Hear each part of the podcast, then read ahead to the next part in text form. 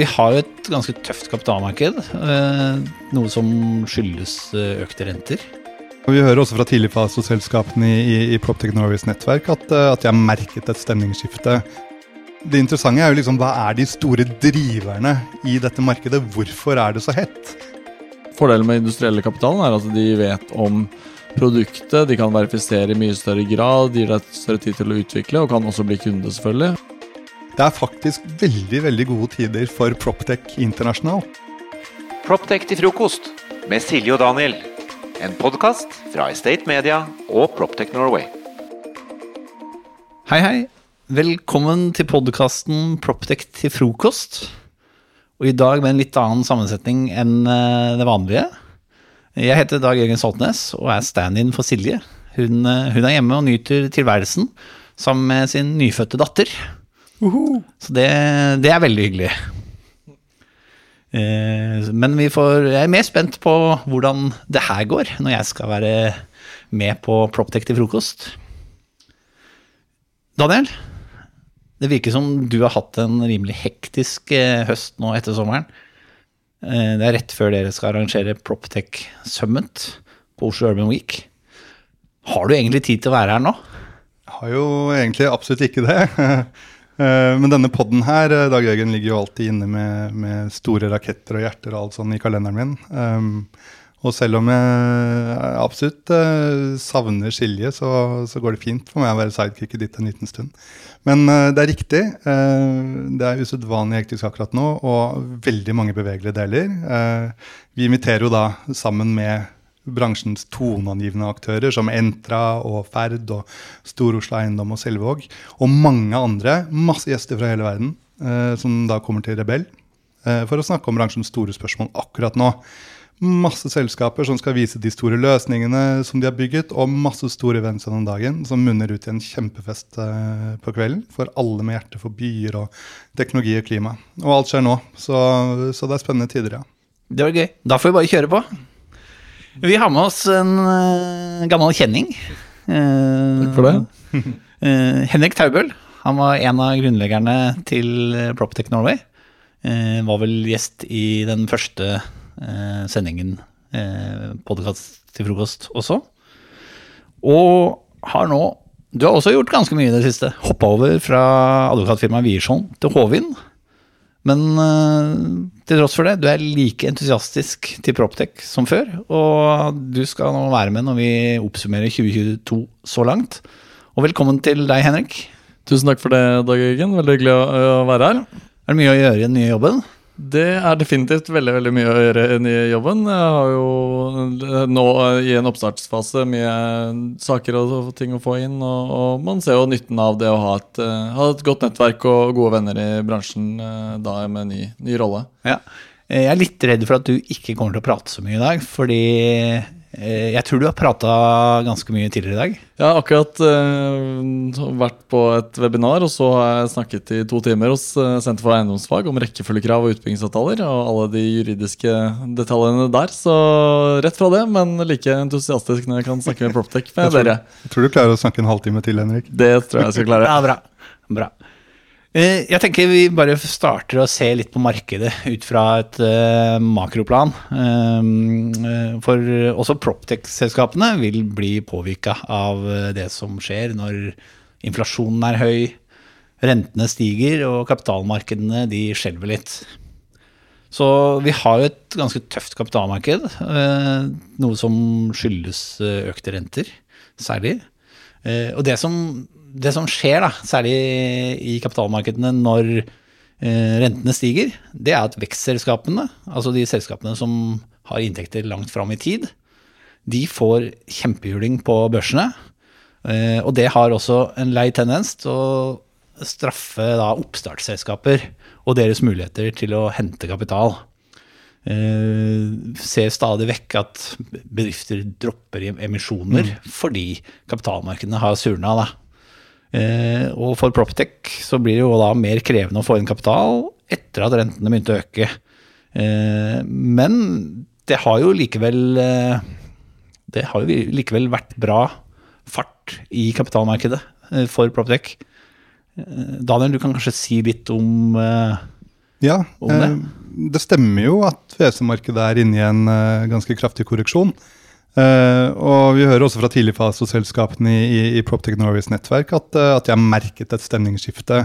Uh, gjerne de som er midt i en finansieringsrunde, uh, det siste halve året kanskje. Så har det nok gått litt tregere, men samtidig så ser vi absolutt at selskaper med sterk teknologi, som veldig mange av de norske har, likevel lander rundene sine. Eh, globalt så ser man kanskje at en del selskaper som kanskje fikk kapital for et halvt år siden, faller fra litt tidligere enn før. Men så, men så skal vi huske da, at det bare er liksom et halvt, trekvart år siden at bordet var helt snudd, og lovende startups liksom for første gang kunne velge blant WC-ene. Kreve mer enn kapital og forvente liksom reell kunnskap og strategisk verdi, som gjorde at VS-ene plutselig måtte lære seg masse om, eh, om eiendomsteknologi. Det ble liksom en sånn egen sjanger blant WC-er.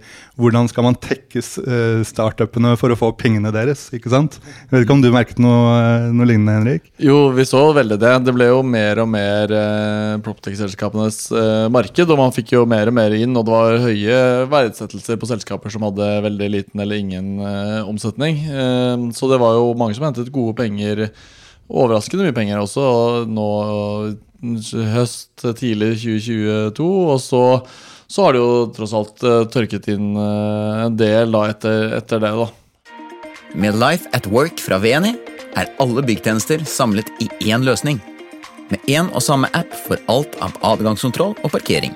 Til booking av møterom eller matbestilling kan du som gårdeier ta grep om dine verdier og skape en enkel og sømløs hverdag for dine leietakere. Finn ut mer på veni.no. Men jeg var på et av de frokostarrangementene som Estate og arrangerer sammen med Proptech Norway eh, på Mesh, eh, hvor da da ble det jo gjort et poeng av at eh, en del av selskapene ikke ville ha venturekapitalen. At de helst ville ha kompetent eiendoms, eiendomspenger inn, da. Og flere har da fått med seg Obos, AF-gruppen, andre Stor-Oslo Eiendom, Fredensborg. Store eiendomsselskaper. Eh, Er det noe som holdt på å si, gjør et fryst kapitalmarked lettere for de norske? Det at du har så store eiendomsselskaper som er aktive? Jeg tror det har hjulpet en del på utviklingen av selskapene. Og det har jo vært med som jeg har sagt tidligere også, det med å verifisere produktene i mye større grad i Norge. da, Eh, At du har hatt kapital fra institusjonelle som har også brukt produktene i sin business og jobbet mye med det. Så man har gitt dem tid til å, til å vokse og bygge produkt. Eh, Ulempen med dette har jo selvfølgelig vært at Norge har blitt veldig hemmet av det på Proptech, fordi du får ikke den skaleringseffekten. ikke sant? Du tar et stort norsk eiendomsselskap. Det har jo ingen ambisjon om å skalere internasjonalt eh, tech-selskap, i hvert fall ikke i førersetet.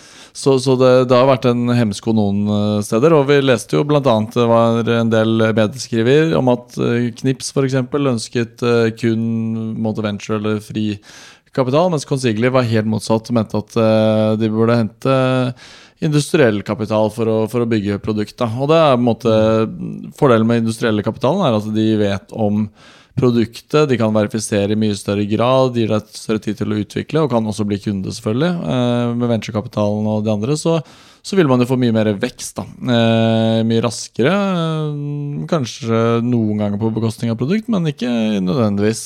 Dette er jo selskaper som jobber internasjonalt med å få andre selskaper til å vokse. Eh, Så det er åpenbart at det kan være en god partner. Men så ser man jo faktisk at det har vært et lite, det siste halvåret et lite comeback for uh, sånn industriell uh, investering. Der eiendomsselskapene går inn med mer investeringer sammenlignet, uh, sammenlignet med igjen. Det er faktisk veldig veldig gode tider for Proptech internasjonalt. Altså, det er et helt annet bilde som tegner seg for Proptech enn for andre sektorer. I første halvår i fjor så økte globale investeringer i Proptech med 6 eh, sammenlignet med i fjor. Eh, altså til over 13 milliarder dollar. Eh, og da regner vi ikke med eh, tilstøtende felt som Contech og klimateknologi og, og slikt. Sånn at Eh, man ser også at investeringene har kanskje beveget seg litt mer fra tidlig fase og til litt mer sånn vekstkapital og, og, og, og senere fase. Men uh, man, uh, man, ser at Proptech har på en måte motstått uh, de der negative svingningene. Og det er veldig interessant også, fordi Proptech er jo knyttet opp mot eiendom og noe fysisk og noe håndfast. Så når mm. ting blir vanskeligere i kanskje andre utsikter, så er liksom fintech, krypto, liksom veldig mange av disse tingene som som er litt mer sånn svevende. ikke sant? Det det er vanskeligere kanskje å putte pengene sine der, men Proptech så er det lettere å kanskje si at det er noe, kanskje noe fysisk til et bygg, eller et system som er knyttet til noe fysisk. altså Det er mer eh, håndfast. da, og man ser jo hvor mye penger går i den, eh, den, retningen eh, når det er mer usikre tider. Det er litt sånn som at folk sier at i usikre tider så skal folk også investere i eiendom ikke sant, og sikre pengene sine. og det er litt sånn, Hvis du er en tech-investor, så tenker du kanskje litt at litt mindre sjanse for at et Proptex-selskap går til null da, hvis det har et bygg og noe, noe på gang og fysiske ting, enn kanskje en ren plattform av noe slag. Men er det, med tanke på da norske tech-selskaper som da får finansiering fra eh, norske eiendomsselskaper f.eks., risikerer du at de ikke klarer å skalere fordi fokuset til eierne, altså den kompetente kapitalen, er veldig på på produkt. Altså, du lager, en, eh, du lager, et veldig godt produkt fordi du har flinke eiere som kjenner problemstillingene og vil ha det, men de er kanskje ikke så eh, gira på en eh, ganske tung internasjonalisering. Ja, det tror jeg helt eh, klart er. Altså, det, det, er jo på en måte ulempen også, og, og, og det handler jo om at, uh, at, i mandatet til et eiendomsselskap Jeg vil ikke bruke noen konkrete navn, men til et tradisjonelt eiendomsselskap så står det ikke i mandatet at deres mandat uh, fra eierne er å skalere tech-selskaper internasjonalt. Ikke sant? Ikke det hele tatt. Og ja, Du kan finne sånn åpenbare caser. da, si Spacemaker er åpenbart at man kan være med på noe greier, og sånn, men, men, men, det finnes jo veldig sjelden sånn clear cut saker rundt det der. Så at man skal putte masse kapital i å vokse internasjonalt istedenfor liksom å bygge produkter i Norge. Det, det, er kanskje ikke noe alle er med på. I så fall burde du ha en venture-arm eller noe sånt av et eiendomsselskap, som mange flere begynner å få. Ja. Eh, hvis vi går tilbake til eh, da det du sier om at uh, man har en bruksfunksjon for Og man har en eiendom og man gjør noe som gjør at du f.eks. kutter noen kostnader. Da kommer vi egentlig litt inn på kjernen i hva Proptech er blitt. Eh, det siste året. jeg føler det har gått litt fra hype til bruk, og hvordan du bruker det for å få forretningsmessige fordeler. Eh, kanskje du kunne fortelle litt om er liksom, hvor er Proptech nå når det gjelder eh, bruksområder? Hva er det selskapene tilbyr? Ja, Vi kan jo se på, på Proptech Summit, da, for eksempel, som vi har neste uke. Eh, hvor det er helt åpenbart at eh, eiendomsteknologi er blitt noe mye mer enn bare det hypet som det kanskje var litt i starten av Proptech Norways historie for fire-fem år siden. Eh, det interessante er jo liksom, hva er de store driverne i dette markedet? Hvorfor er det så hett? Og det er de store spørsmålene vi ser på. Og det som framstår for flere og flere eiendomsselskaper som et faktum, er jo at forretningsmodellene de alltid har hatt siden den industrielle revolusjonen, er mer og mer utfordret nå. Noen av dem er snudd på hodet. Eh, det, jo, det, ene er det vi har snakket om gjennom hele pandemien. sant, Eh, hvordan nye arbeids- og boformer påvirker eh, både hvordan næring og bolig rett og slett skal utformes, hvordan kontraktene skal se ut, hva er det som skal trekke leietagere. Eh, hvordan skal man bygge liksom langsiktig verdi? Og her spiller teknologien en veldig stor rolle og en større og større rolle i å forstå hvordan eiendommen brukes gjennom sensorikk og annet. Eh, hvordan man skal få bedre brukeropplevelser eh, gjennom apper og deletjenester. Eh, hvordan man kan kutte felleskostnader gjennom mer effektiv energibruk. ikke sant? Masse, masse områder eh, som betyr noe for omsetningen av eiendom. Derfor er jo uh, hele eiendomsbransjen på en måte kommet opp på gjerdet. Og noen til og med ned fra det igjen, for å følge med på hva som skjer. Laft tilbyr en fullverdig FDV-løsning som bidrar til enklere og mer effektiv drift både for små og store eiendomsbesittere. Digitaliser den daglige driften, få bedre innsikt og ta bedre beslutninger for porteføljen. Vi leverer moduler for DV, utleie og renhold, i tillegg til en rekke andre tjenester og integrasjoner. Les mer på laft.io. Har du noen kundeeksempler eller, eller sånn selskapscases som viser en eller annen sånn innsparing man har gjort?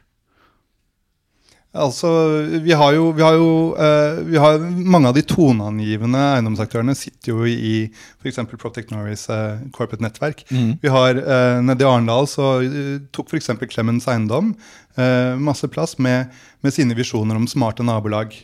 Eh, hvor man tar opp i seg at teknologi er mye mer enn bare teknologien. Teknologi handler om hvordan man skal få eh, levelige, walkable cities. Eh, man har liksom tatt denne ideen om smarte byer til neste skritt og bare sett hvordan bruker vi denne teknologien til å løse eh, de virkelig store spørsmålene.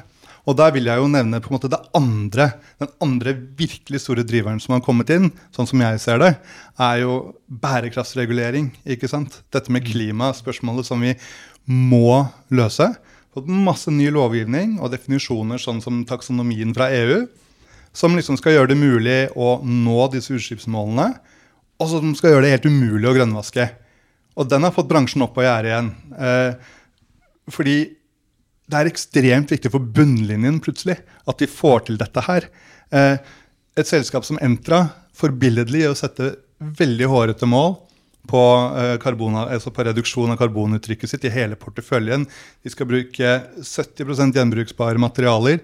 De vet ikke hvordan de skal nå det, men de forstår at ny teknologi er det som skal hjelpe dem dit på en eller annen måte, og de må faktisk bidra til å utvikle det. Og det har vært veldig interessant utvikling, fordi tidligere så kan man tenke at man er veldig sånn konkurrenter. ikke sant? Så det er jo ikke noe fordel å samarbeide om ting, fordi man vil ha sin edge på det man driver med. Men så kan du tenke deg at ok, hvis, hvis målet er å være den beste eller rikeste eiendomsaktøren, det er jo det én ting, men så setter jo klimaperspektivet ting i mye større sammenheng. ikke sant? Hvis målet, eller delmålet er at man skaper en mer bærekraftig eiendomsbransje, bidrar til å redusere klimagassutslipp osv., så, er det ikke noe fordel at ditt bygg er veldig bra, og ingen vet hvordan du gjør det, og alle de andre er miljøverstinger. Altså Poenget er jo at det er gunstig at konkurrentene dine også får samme type energisparing, samme type ordninger, mer effektiv bruk av lokalene. Fordi det er den eneste måten man kan nå disse målene på. Eh, og det tror jeg har vært en øyeåpner for mange, som har gjort at Garden har blitt senket, konkurransedelen har blitt litt, litt endret. Og så konkurrerer man jo på bygg og lokasjoner osv., men man trenger ikke å konkurrere på ja, vi, vi, vi, sier ikke til dere hvorfor, hvordan vi sparer så mye strøm i bygget vårt, eller vi, vi sier ikke til dere vi, hvordan vi, henter energivennlige altså, mm. ordninger. Altså, det deler man veldig åpent, pga. at det hjelper ikke at ett bygg blir bærekraftig. Altså, må, alle bygg må bli det hvis man skal ta dette på alvor. Mm. Men du har jo da den Proptech Summit, Daniel. Eh, der blir det jo litt eh, deling fra scenen. Eh, fra, er det 25 selskaper dere har som skal vise seg fram? Ja, det er 25 selskaper som har fått beskjed om at vi, vi har ikke lyst til å høre pitchen deres. Vi har lyst til å se på brukercasene deres. De skal stå på scenen sammen med eiendomsselskapene som bruker teknologien deres, og de skal snakke om hvordan den teknologien eller den løsningen de har utviklet, fungerer i et spesifikt prosjekt eller i en hel portefølje. Mm. Det som også er veldig gøy med, med, med Summit, er at uh, vi ser en, en, stor tendens det siste året mot det Henrik snakket om nå, altså bransjesamarbeid. Uh, de store aktørene, uh, enten det er Stor-Oslo eller Selvåg eller Entra, Møller, Høg osv., ser at det er litt poengløst at vi sitter og utvikler proprietære løsninger på hver vår tue. Eh, vi må snakke sammen om å utvikle teknologi sammen. Og så, som Henrik sier, konkurrere på toppen. Mm. Eh, og det begynner virkelig å manifestere seg. Så det tror jeg vi også kommer til å få høre en del om eh, neste uke. Mm. Ja, det blir jo spennende vi skal jo dekke det, State Nyheter. Og, og vi skal også ha uke, uken etter har vi et arrangement også, Eiendom og teknologi, oppe på Fyri i Hemsedal. Vi kommer. Hvor vi skal da, også se på en del selskaper og eh, en litt sånn det er, en interessant høst med en bra møteplass. Men det må jo skje noe etter disse møteplassene òg. Akkurat. og det, det, er det det går på. Det må jo implementeres i strategien på et vis. Og det er litt som vi sier at Tidligere var det liksom ja, Martin eh, interessert i teknologi, han kan være teknologiansvarlig, og så skal han jobbe med litt det på sida. Eh, mens nå er det på en måte blitt en del av styreromsdiskusjonen, liksom, hvordan du skal effektivisere bygningsmassen osv., og, så videre, og at det har blitt en mer helhetlig del av uh, selskapene. Særlig det også at teknologi og bærekraft nå er et likhetstegn mellom seg. Slik at det ikke bare er sånne lille tech-budsjettet man har til liksom noen sensorer i bygget, men, men du utløser på en måte selskapenes bærekraftbudsjetter og bruker det på Proptech. Og, og da begynner det på en måte å bli mye mer investeringsvilje og mye flere involverte og, og en del uh, mer der. da. Så det blir spennende å se hvordan det går fremover nå. Men de som lager disse budsjettene, eh, klarer de å, å si, kvantifisere en eller annen payoff i andre enden? Jeg tror ROI, som heter, altså Return of Investment, er veldig viktig. Og det tror jeg mange er veldig opptatt av også. Du kan ikke bare si at vi gjør noen kule tech-ting. Altså, det må ha en, eh, en eh, forretningsmessig idé, og det er jo veldig viktig. Det er litt sånn som uh, bærekraftstiltak i bygninger med sertifiseringer og sånn. Altså, du må se det på energibesparelsen og på regningen eller på salgsprisen. Det må ha en effekt, og det, det tror jeg man får uh, mye større fokus på fremover. Og det er også egentlig en given nå, da. Altså, man bruker ikke teknologi og kjøper inn systemet for å være snill. Man gjør jo det for å uh, få en forretningsmessig eh, fordel av det, i tillegg til liksom, å ta det på klimaregnskap og sånn til, til firmaet, som igjen har en forretningsmessig eh, side. da. Ja, vi ser jo det. Det er blitt mye lettere å argumentere for å bruke Proptech, ettersom man har kunnet vise at uh, dette handler ikke bare om klimaregnskapet ditt, det handler om bunnlinja di. Mm. Uh, og veldig mye av den teknologien, kanskje den er litt uferdig ennå, men lover å redusere uh, på en måte utgiftene på bunnlinjen. Da, da, da, slipper du å argumentere for at ja, men det er jo det rette å gjøre. Det er også det lønnsomme å gjøre, og det hjelper. det er jo Én ting er jo selskapene må ha eh, overordnede strategier for hvordan de skal sy dette sammen og ha åpne løsninger som hele bransjen kan bruke. Men så er det jo også kommet masse spennende sånn punktløsninger. da. Masse sånn enkeltløsninger. Henrik og jeg var f.eks. i Brussel eh, og, og, og, og, så på semifinalistene i, i European Proptech Awards. Og f.eks. et selskap eh, eh, som, som, gjør at du kan eh, altså gjenbruke 90% av vannet i et boligprosjekt. Kommer på Summit for å snakke om det. Vi har selskaper som eh, kan utvikle betong som ikke bare, altså som, som, faktisk er karbonnegativ, som lagrer masse karbon.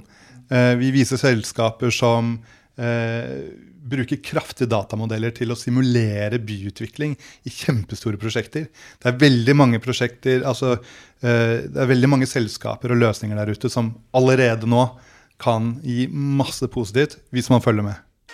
Møller Eiendom er tett på utviklingen av nye teknologiløsninger som forbedrer måten vi kjøper, utvikler og forvalter eiendom. Leverandørsiden er viktig driver for utvikling av bransjen og kundene våre. Det har jo skjedd litt siden Du Henrik var vel med på den første Proptex Summit. Jeg vet ikke om det het det da, jo. men det het det, ja. Eh, da var det vel litt sånn eh, høytflyvende program og litt sånn kinesiske superbyer og litt sånn. Ja, ja før det i tillegg. Det var, eh, altså, folk var jo helt blown away om at disse tingene fantes. Da, men folk kalte jo dette for Protech og ikke Proptech. Og trodde det var liksom profesjonell teknologi for bransjen. Men da hadde jo Spacemaker på scenen, blant annet, husker det. Og da var det var litt morsomt å se, for der var jo bransjen uforberedt på hva de skulle høre. Og så hørte de Håvard pitche Spacemaker, og så hørte de eh, disse gutta i Dimension 10 og, og, om, og, VR, og vi snakket om eh, sensorikk da, ikke sant, med Disruptive, og vi hadde en del av disse tingene. Og folk var liksom Det var det, ja, det, var det mest utrolige de hadde hørt. Eh, men da var det en hype da veldig i, i mm. begynnelsen der.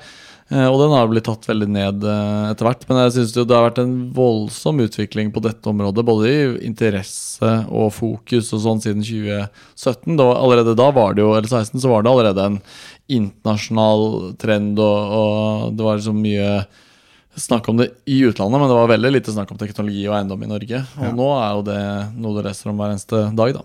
Mm. Jeg tror jo det må ha vært et brukbart frafall av selskaper der òg. Eh, og så har det kommet mange nye nå. Hvordan ser dere på, på si, to-tre neste åra? Eh, Eh, Jeg tror det er en utvikling, men så sier man at det er frafall. Men det er ikke så mye frafall. Jeg har en sånn veldig anekdotisk måte å måle det på. Fordi vi har lagd, eh, lagd en WhatsApp-gruppe med alle startupene innen Proptech fra, fra dag én. Og det er ikke mange av de som er aktive der fra 2016 som har slutta med, med Proptech og meldt seg ut av gruppa. Så, så det føler jo at det er relativt god driv, da, fordi de fleste har jo litt kunder og litt produkter og sånn. Det, det, det er litt vanskelig å gå helt eh, i null, da, selv om selskapet noen går bra, noen går dårlig. Så, så, så har det vært ganske bra hold i det, egentlig. Men det blir jo kanskje en liten endring i forretningsmodell. da, Mm. med At man eh, starter med et eh, type forvaltningssystem, og så ender man opp som en Ja. eiendomsforvalter i stedet. Det er, så, det er- det er så enorme muligheter. altså Eiendomsbransjen har ligget så bakpå på digitalisering.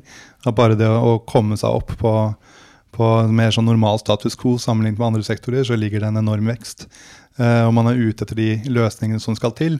Og det man har sett, er jo kanskje da Proptech Norway startet, så satt en del uh, CEOs uh, og sånn i nettverket og ønsket å finne ut hva denne teknologien var for noe. Eh, kanskje litt stygt å kalle det voksenopplæring, men det var litt sånn hva er det som skjer her? Mens det vi ser nå, er jo at det har kommet inn ekstremt teknisk kompetente folk i, i de eh, toneangivende selskapene, og de sitter tett på ledergruppen.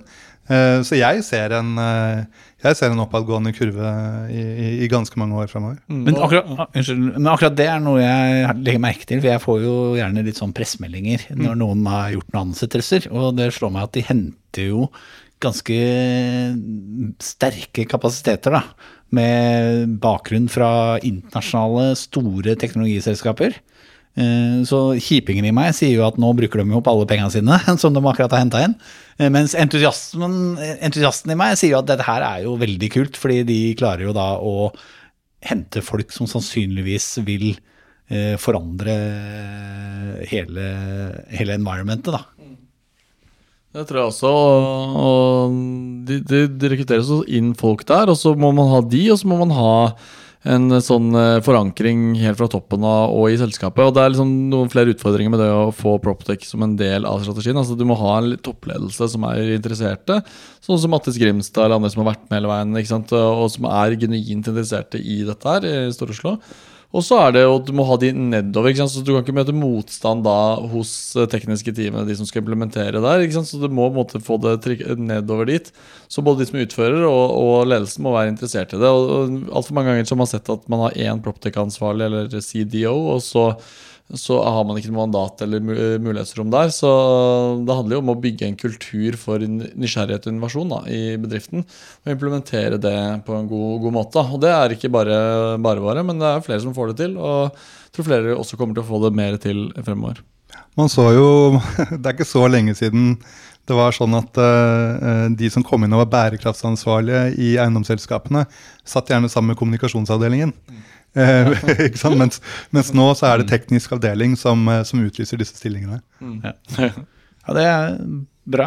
Jeg lurer på om vi kanskje skal runde av, ja. og så ses vi på arrangementet Proptech Summit først, og eiendom og teknologi etterpå.